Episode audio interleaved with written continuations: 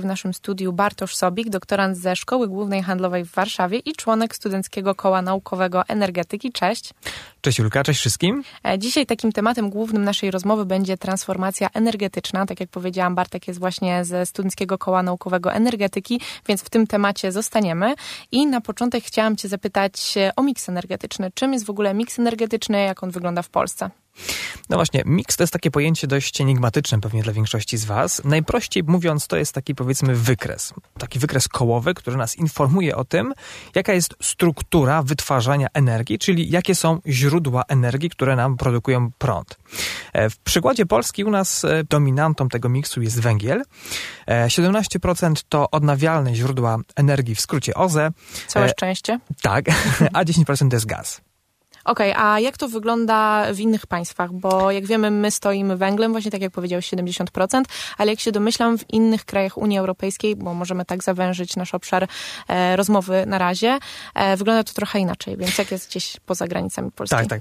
E, jesteśmy najbardziej uzależnionym od węgla krajem w Unii Europejskiej. W innych krajach te struktury są bardziej zdywersyfikowane, mhm. czyli nie opierają się wyłącznie na pojedynczym źródle, ale tych źródeł jest znacznie więcej. E, przykładowo mm, w Niemczech ta struktura jest podzielona podzielona głównie między OZE, które mają 40% oraz między węglem, który ma 29%. Mhm. E, Czesi na przykład mają e, ponad 37% energetyki jądrowej i 40% węgla. Słowacja ponad 50% energetyki e, jądrowej, a takim liderem, jeśli chodzi o energetykę jądrową w Europie jest Francja, która z, produkuje z niej ponad 70% energii elektrycznej. I teraz, jak wiemy, mają pewien problem z energetyką jądrową tak. właśnie właśnie w okresie letnim tam wystąpił problem dość analogiczny do problemu, który był w Polsce parę lat temu. E, mianowicie te elektrownie jądrowe we Francji są chłodzone wodą z rzeki. Mhm. E, w przypadku sytuacji, kiedy, kiedy występuje fala upałów, tak, czyli mamy temperatury poniżej, powyżej 30 stopni, e, te rzeki wysychają, ta, ta temperatura wody nam wzrasta i w efekcie jest problem z chłodzeniem tych bloków, czyli trzeba będzie tą produkcję obniżać. I tak się zadziało także w tym roku. A co do energetyki jądrowej, tutaj przytoczyłeś także przykład miksu energetycznego Niemiec. To jest ciekawy w ogóle przykład tego, że oni zaczęli wyłączyć swoje elektrownie jądrowe. Tak, na kanwie katastrofy w Fukushimie naród niemiecki zdecydował, żeby odejść od, od atomu, czyli skoncentrować się jeszcze bardziej na rozwoju odnawialnych źródeł energii. Jednakże aktualny kryzys energetyczny tak naprawdę stawia Niemcy pod ścianą i Niemcy mhm. nie mają innego wyjścia i po prostu muszą teraz w dalszym ciągu utrzymywać bloki atomowe, bloki jądrowe e, w pracy. Ale myślę, że o tym jeszcze porozmawiamy a propos właśnie kryzysu, który teraz ma miejsce i o sytuacji Niemiec, które no, muszą wypić piwo, które naważyli wcześniej niestety. Dokładnie. E, dokładnie, tak po niemiecku. E, ale teraz chciałam cię zapytać o to, czym jest w ogóle transformacja energetyczna, bo powiedzieliśmy trochę o miksach, już wiemy mniej więcej, e, jak się produkuje energię w różnych krajach europejskich, no ale teraz właśnie, czym jest transformacja? Nawet przyznam, że nauka po dziś dzień nie stworzyła jednej takiej klarownej, jasnej definicji transformacji, e, gdyż to jest pojęcie bardzo szerokie, bardzo złożone i skomplikowane, ale najprościej mówiąc, transformacja energetyczna to jest przejście ku energii zielonej, energii bardziej przyjaznej środowisku, odejście od paliw kopalnych i całokształt procesów z tym związanych, procesów i technicznych, ale także ekonomicznych oraz społecznych. I my właśnie teraz w Polsce stoimy niejako u progu tej transformacji, jesteśmy troszeczkę w tyle za Zachodem, to ma oczywiście pewne mm, także uwarunkowania historyczne, ale ta transformacja, właśnie ten zwrot ku zielonej energii, również wspierany przez Unię Europejską, jest teraz dla polskiej energetyki wyzwaniem kluczowym i fundamentalnym. Okej, okay, a jak się odnajduje właśnie tutaj ten, e, chociaż można przytoczyć Fit for 55 unijny? To jest taki pakiet, który właśnie zakłada w sobie transformację energetyczną, czyli zmianę tej naszej energetyki ku zielonym właśnie źródłom energii. Tak, Fit for 55, czyli tłumacząc na język polski, gotowi na 55. To jest taki mm, zestaw e, wniosków ustawodawczych, które mają na celu właśnie wspieranie inicjatyw proekologicznych, przede wszystkim skoncentrowanych na zmniejszaniu emisji gazów cieplarnianych. E, cel Unii Europejskiej jest taki, żeby zredukować emisje w 2030 roku, e, mówimy o emisji CO2, mhm. o 55% względem poziomu z roku 1990. To jest cel naprawdę ambitny, I Polska jako kraj, dla którego y, sama transformacja jest wyzwaniem bardzo dużym, pakiet Fit for 55 jest wyzwaniem z gatunku tych już niemalże kosmicznych. Tak, i to widać dokładnie w tym, jak my tutaj się odnajdujemy w tym, bo mam wrażenie, że Polska tak wszystko hamuje, żeby nie uderzyła nas ta transformacja tak dotkliwie, ponieważ no po prostu jesteśmy do niej mniej przygotowani niż inne kraje europejskie. No i tutaj można wrócić do tych miksów energetycznych, o których powiedziałeś na samym początku. My mamy 70% węgla, inne kraje tak dużo tego węgla nie mają, więc my musimy na, naprawdę musimy włożyć duże nakłady pracy i finansowe także, żeby zmienić tą naszą energetykę. Dokładnie. W Polsce przez lata nie robiono praktycznie nic w kwestii transformacji energetycznej. Żyło się wedle zasady jakoś to będzie. E, efekty są takie, że aktualna sytuacja rynkowa już zdezaktualizowała politykę energetyczną Polski do 2040 roku, bo założenia, które były w tym dokumencie, już przestały być aktualne posłużę się takim drobnym przykładem. E, tam zakładano, że cena uprawnień do emisji CO2 e, wyniesie 40 euro za tonę CO2 w roku mhm. 2040. Wyobraźmy sobie, że ta cena została już osiągnięta na początku zeszłego roku. No tak, i te ceny teraz szaleją. Dokładnie tak. I tak naprawdę y, Polska stoi przed bardzo dużym dylematem, bo zarówno pójście w stronę energetyki odnawialnej, w, w stronę Fit for 55 będzie olbrzymim kosztem, ale takim samym olbrzymim kosztem będzie także tkwienie przy węglu.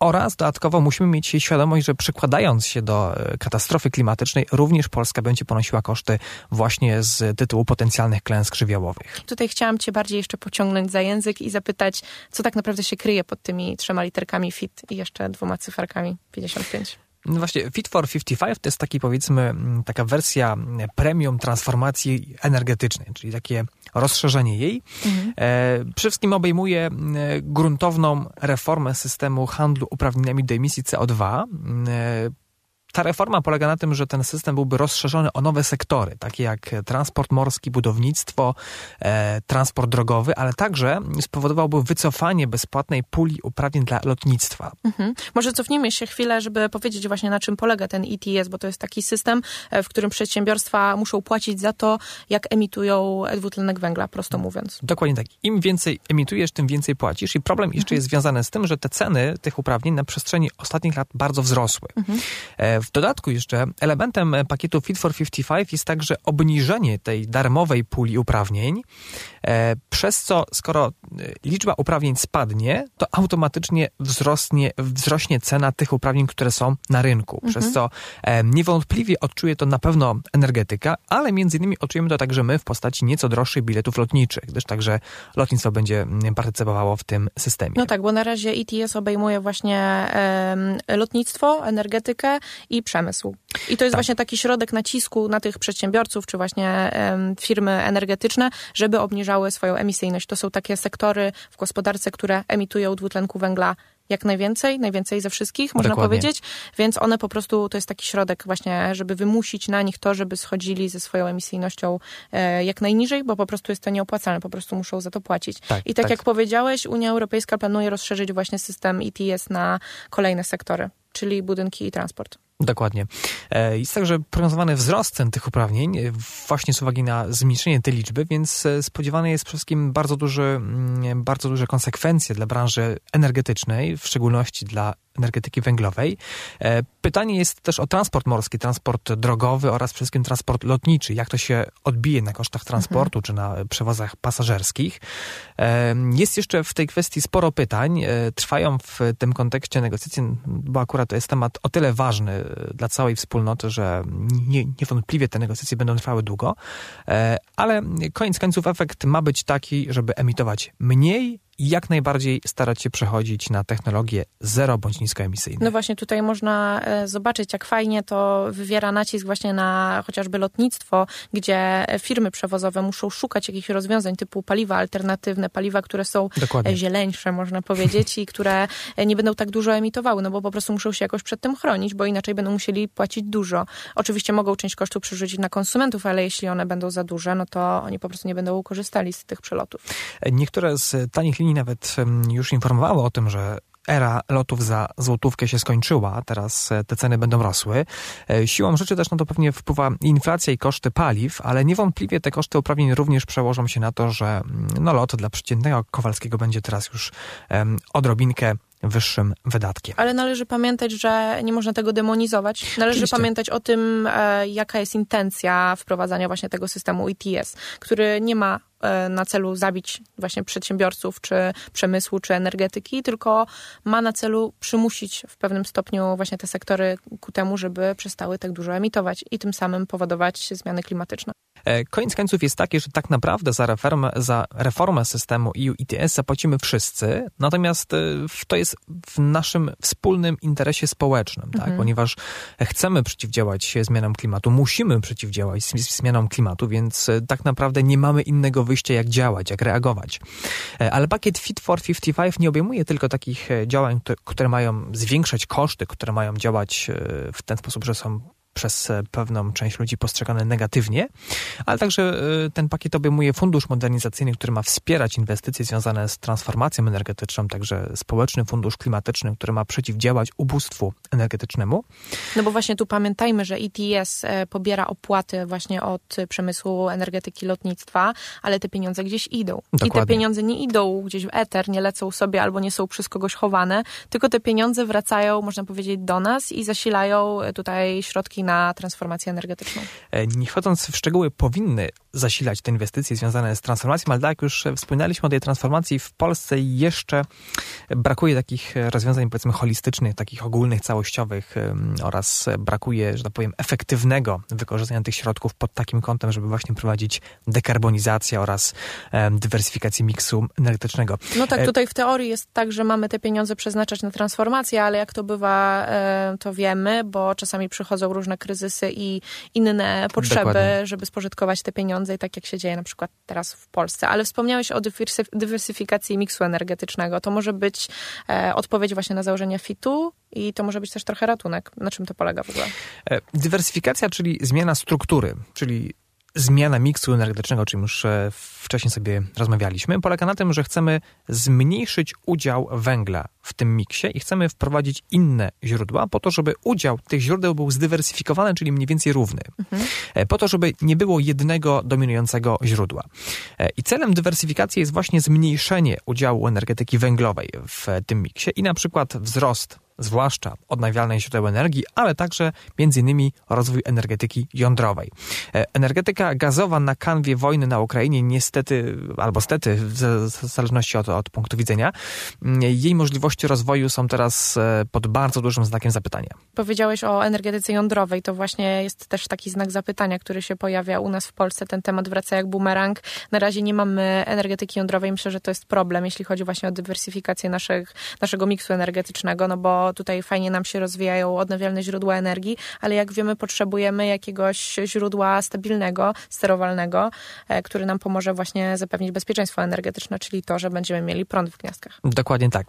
E, problem polega na tym, że tak naprawdę nie mamy alternatywy aktualnie dla węgla, tym bardziej, że no gaz jest praktycznie wykreślony z możliwości rozbudowy na CITO z uwagi na sytuację, która aktualnie panuje. Energetyka jądrowa sprawdziłaby się idealnie jako zastąpienie elektrowni węglowych. Mhm. Dlaczego?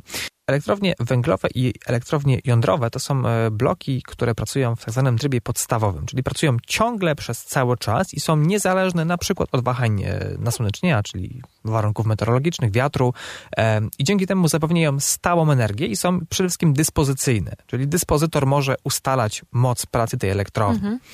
Czyli po prostu potrzebujemy więcej, to oni mogą dać nam trochę więcej tej Dokładnie energii. Tak. Potrzebujemy mniej, czyli mogą je troszeczkę przygasić. Dokładnie tak. Oczywiście ale w sensie od technologii, ale tak. No pewnie, ale jednak ten prąd cały czas jest. To nie jest tak jak właśnie z fotowoltaiką, że jest słońce, to wtedy jest energia, albo jej nie ma, właśnie. albo z wiatrem, czy wieje, czy nie wieje, tylko tutaj mamy stabilność. Mamy pewność dostaw energii na polecenie dyspozycji ruchu. I właśnie w tej dywersyfikacji chodzi o to, żeby zmienić ten miks energetyczny tak, żeby było trochę równiej. I powiedziałeś, że celem jest to, żeby odejść właśnie od węgla i myślę, mam nadzieję, trzymam kciuki, że tak się też stanie, ale dywersyfikacja to jest także odpowiedź na to, co e, mówi wiele osób i boi się e, właśnie w obliczu kryzysu energetycznego. E, czyli jaka jest odpowiedź właśnie na to, żeby się zabezpieczyć przed tym, co się dzieje aktualnie i właśnie jest to dywersyfikacja. Tak, dywersyfikacja pozwoli nam zdywersyfikować to ryzyko, czyli porozkładać na parę takich koszyków, podnosząc się do najprostszego przykładu, żeby nie trzymać wszystkich jajek w jednym koszyku, żeby to wszystko sobie porozdzielać. Dokładnie. Ta dywersyfikacja pozwoli nam na to, że na przykład kryzys gazowy czy wzrost cen węgla nie doprowadzi aż takiego nie spowoduje aż takich skutków e, w kontekście wzrostu cen energii, ale także dywersyfikacja to bardzo ważne pojęcie e, związane z tym, czyli bezpieczeństwo energetyczne. Dywersyfikacja zapewnia nam bezpieczeństwo energetyczne. E, w obecnej sytuacji kryzysu energetycznego, który szaleje można wręcz tak powiedzieć, na całym kontynencie, jest kluczowa o tyle właśnie, że kraje, które nie, nie zdywersyfikowały, czy na przykład struktury dostaw, tak, na przykład Niemcy e, w kontekście gazu, czy na przykład Polacy jak e, w kontekście elektroenergetyki, mają teraz problem, ponieważ e, wzrosły ceny gazu, wzrosły ceny węgla, wzrosły, wzrosły ceny ogólnie w gospodarce i tak naprawdę to wszystko się odbija na konsumentach. Zaczęliśmy temat kryzysu energetycznego, czyli czegoś, co teraz nad nami jak takie czarne chmury się kręci i nie do końca jest przez niektórych zrozumiałe, a myślę, że warto tutaj o nim mówić, skąd on się przede wszystkim wziął, więc chciałam Cię po prostu zapytać jako dzisiejszego mojego eksperta, czym jest ten kryzys energetyczny, jak on został wywołany i na czym on polega. Z reguły przyczyn kryzysów jest wiele. W tym przypadku e, zacząłbym od tego, że jest to na pewno efekt odbicia pokowidowego. Mianowicie w zeszłym roku Chiny zgłosiły bardzo duże zapotrzebowanie na węgiel w wyniku tam klęsk żywiołowych i e, problemów z wydobyciem, co spowodowało gwałtowny wzrost cen węgla na rynkach światowych. I dlatego też potrzebowali węgla, bo po covid przemysł ruszył z powrotem i to wszystko się zaczęło, zaczęło hulać po prostu. Dokładnie tak. E, do tego zaczęła dochodzić inflacja, czyli e, problemy związane też e, jako właśnie konsekwencje tej polityki monetarnej w czasie COVID-u, ale także przed COVID-em, czyli tak zwanego luzowania ilościowego, takiej bardzo luźnej polityki monetarnej, która no, z grubsza polegała po prostu na drukowaniu pieniędzy. Mhm. Ta inflacja spowodowała wzrost cen surowców energetycznych, a do tego oczywiście jeszcze dołożyła się wojna, inwazja Rosji na Ukrainę. Efekty są takie, że spotykamy teraz no wręcz niebotyczne wzrosty cen energii elektrycznej na giełdach na polskiej również.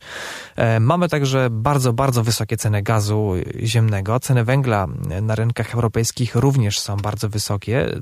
Jeżeli chodzi o ceny węgla e, w Polsce, jest taki polski indeks, który jest nieco oderwany od, od indeksów światowych. Ten indeks akurat nie zanotował aż takich wzrostów, ale myślę, że tutaj bardziej dokładnym odnośnikiem będzie ten indeks europejski, na przykład indeks cen węgla w Rotterdamie, w portach ARA tak zwanych. Koniec końców doszło do sytuacji takiej, że skumulowała nam się i inflacja, i wzrost cen energii, cen paliw, e, cen gazu ziemnego e, oraz jeszcze nadciągająca recesja takim czynnikiem, który jest najbardziej widoczny, jest właśnie wojna i agresja Rosji na Ukrainę. E, niewątpliwie odcisnęła piętno zwłaszcza na cenach gazu ziemnego, mhm. E, na cenach e, również paliw na stacjach, ale także w ogóle w postrzeganiu tego naszego regionu świata przez giełdy. Niewątpliwie są to z pewnością także konsekwencje i wojny na Ukrainie, ale ja bym tutaj bardziej patrzył też globalnie, ponieważ teraz w tej sytuacji trzeba rozpatrywać świat jako taką globalną wioskę i coś, co właśnie kiedyś wydarzyło się w odległej e, części świata, ma teraz e, wpływ na to, co się dzieje teraz u nas. No tak, ale niezaprzeczalnym faktem jest to, że Europa była poniekąd uzależniona od dostaw właśnie rosyjskiego gazu ziemnego i węgla, tak jak Oczywiście. Polska. Chociażby. Pomimo tego, że powiedziałeś, że właśnie 70% naszego miksu energetycznego jest e, bazujące właśnie na energii pochodzącej z węgla kamiennego i brunatnego, czyli można zakładać, że mamy zasoby, no bo mamy pewne, ale jednak ten węgiel pochodził właśnie z Rosji. Czyli w momencie teraz, kiedy sankcjonujemy jako Unia Europejska Rosję, to mamy zatrzymane te dostawy i zostajemy bez węgla i bez gazu. E, trzeba podkreślić, że Europa już od lat była uzależniona od e, importu surowców energetycznych z Rosji. E, teraz w obliczu wojny oraz sytuacji geopolitycznej Europa tak naprawdę została odcięta od nich całkowicie. Europa teraz ma duży problem z tym, jak to zapotrzebowanie pokryć. Mhm. Jest problem z gazem ziemnym, zwłaszcza w Niemczech. Polska ma duży problem z węglem, ponieważ nasze krajowe wydobycie nie pozwala na zaspokojenie tych potrzeb energetycznych energetycznych mhm. i tak naprawdę stoimy teraz w dość niewesołej sytuacji. Ale oczywiście daleki jestem od straszenia, od, od przestrzegania, że sytuacja jest tragiczna. Nie, tragiczna nie jest, tak? Nie jest tak, że musimy teraz biec do sklepów i kupować zapasy na parę miesięcy, czy kupować papier toaletowy, bo się teraz skończy. Nie, absolutnie. Jedynie co trzeba mieć na uwadze to, że Wzrost cen tych nośników przełoży się na nasze domowe budżety. Mhm. Wzrost cen energii elektrycznej, wzrost cen ciepła, wzrost cen gazu ziemnego. E, powstają teraz e, projekty rządowe mające na celu niwelację wpływu tych podwyżek na, na portfele Polaków. Pytanie tylko, jak długo ta sytuacja rynkowa się utrzyma, bo też trzeba mieć na uwadze to, że szalejąca inflacja, no, szalejąca jak szalejąca, ale mimo wszystko jest to przez nas dostrzegalne, jest to przez nas odczuwalne przez nasze portfele. E, ciężko teraz wskazać, jak długo ta sytuacja potrwa. Niewątpliwie mhm. działania zmierzające ku dywersyfikacji, ku e, przede wszystkim transformacji energetycznej są działaniami, które pozwolą nam na e, zmniejszenie tego problemu, ale potrzebujemy czasu. Czyli myślisz właśnie, że te działania związane właśnie z transformacją energetyczną są właśnie teraz nawet w tym momencie kryzysu dla nas jakimś rozwiązaniem? E, w tej sytuacji nie mamy wyjścia, gdyż tak naprawdę nawet nasze aktualne bloki węglowe, e, które są odpowiedzialne za część produkcji energii elektrycznej, są przewidziane do pracy jeszcze przez około 5 do 8 lat. Mhm. I tak naprawdę musimy je czymś zastąpić. Albo je gruntownie wyremontujemy, albo zbudujemy nowe, albo Myślę, że to byłoby najlepsze. E, wreszcie e, zaczniemy na poważnie traktować energetykę jądrową, ponieważ tak naprawdę nie mamy innego wyjścia. Tak? E, naszym celem do tej pory było to, żeby gaz zastępował bloki węglowe. Ale w obecnej sytuacji widzimy, że ten gaz jednak nie jest taką, takim bezpiecznym źródłem. Oczywiście. Ze względu na to, że nie mamy go u siebie po prostu. Tak, tak, tak. To wydobycie krajowe jest bardzo małe w stosunku do potrzeb. Natomiast gaz teraz stał się przedmiotem globalnej rozgrywki, więc tak naprawdę stoimy w obliczu e, problemu związanego z tym, żeby jak najwięcej tego gazu pozyskiwać. Oczywiście rozbudowujemy teraz terminal LNG w Świnoujściu, budujemy nowe gazociągi, staramy się maksymalnie tą strukturę dywersyfikować e, i tak jesteśmy w lepszej sytuacji niż na przykład Niemcy. No, nie zazdroszczę sytuacji naszym sąsiadom z Zachodu, ale my jako Europa powinniśmy z tego kryzysu wyjść silniejsi. To znaczy znaczy, wnioskiem z tego kryzysu niewątpliwie powinno być to, że Europa potrzebuje wspólnej polityki energetycznej. Wiadomo, to jest trudne, tak? Jesteśmy podzieleni na kraje. E, każdy kraj ma jednak jakieś tam swoje partykularne mhm. interesy, ale potrzebujemy tego wspólnego działania po to, żeby być jako grupa jako wspólnota silniejszym graczem na rynku światowym. I w grupie siła i myślę, że to jest idealna puenta do naszej rozmowy o tym właśnie, jak wygląda kryzys energetyczny obecnie, o tym, jak powinniśmy się przed nim chronić i pięknie nam o tym opowiedziałeś. Bardzo dziękuję. Dziękuję bardzo. A gościem moim i waszym był dzisiaj Bartosz Sobik, doktorant ze Szkoły Głównej Handlowej w Warszawie i członek Studenckiego Koła Naukowego Energetyki. Dzięki, cześć.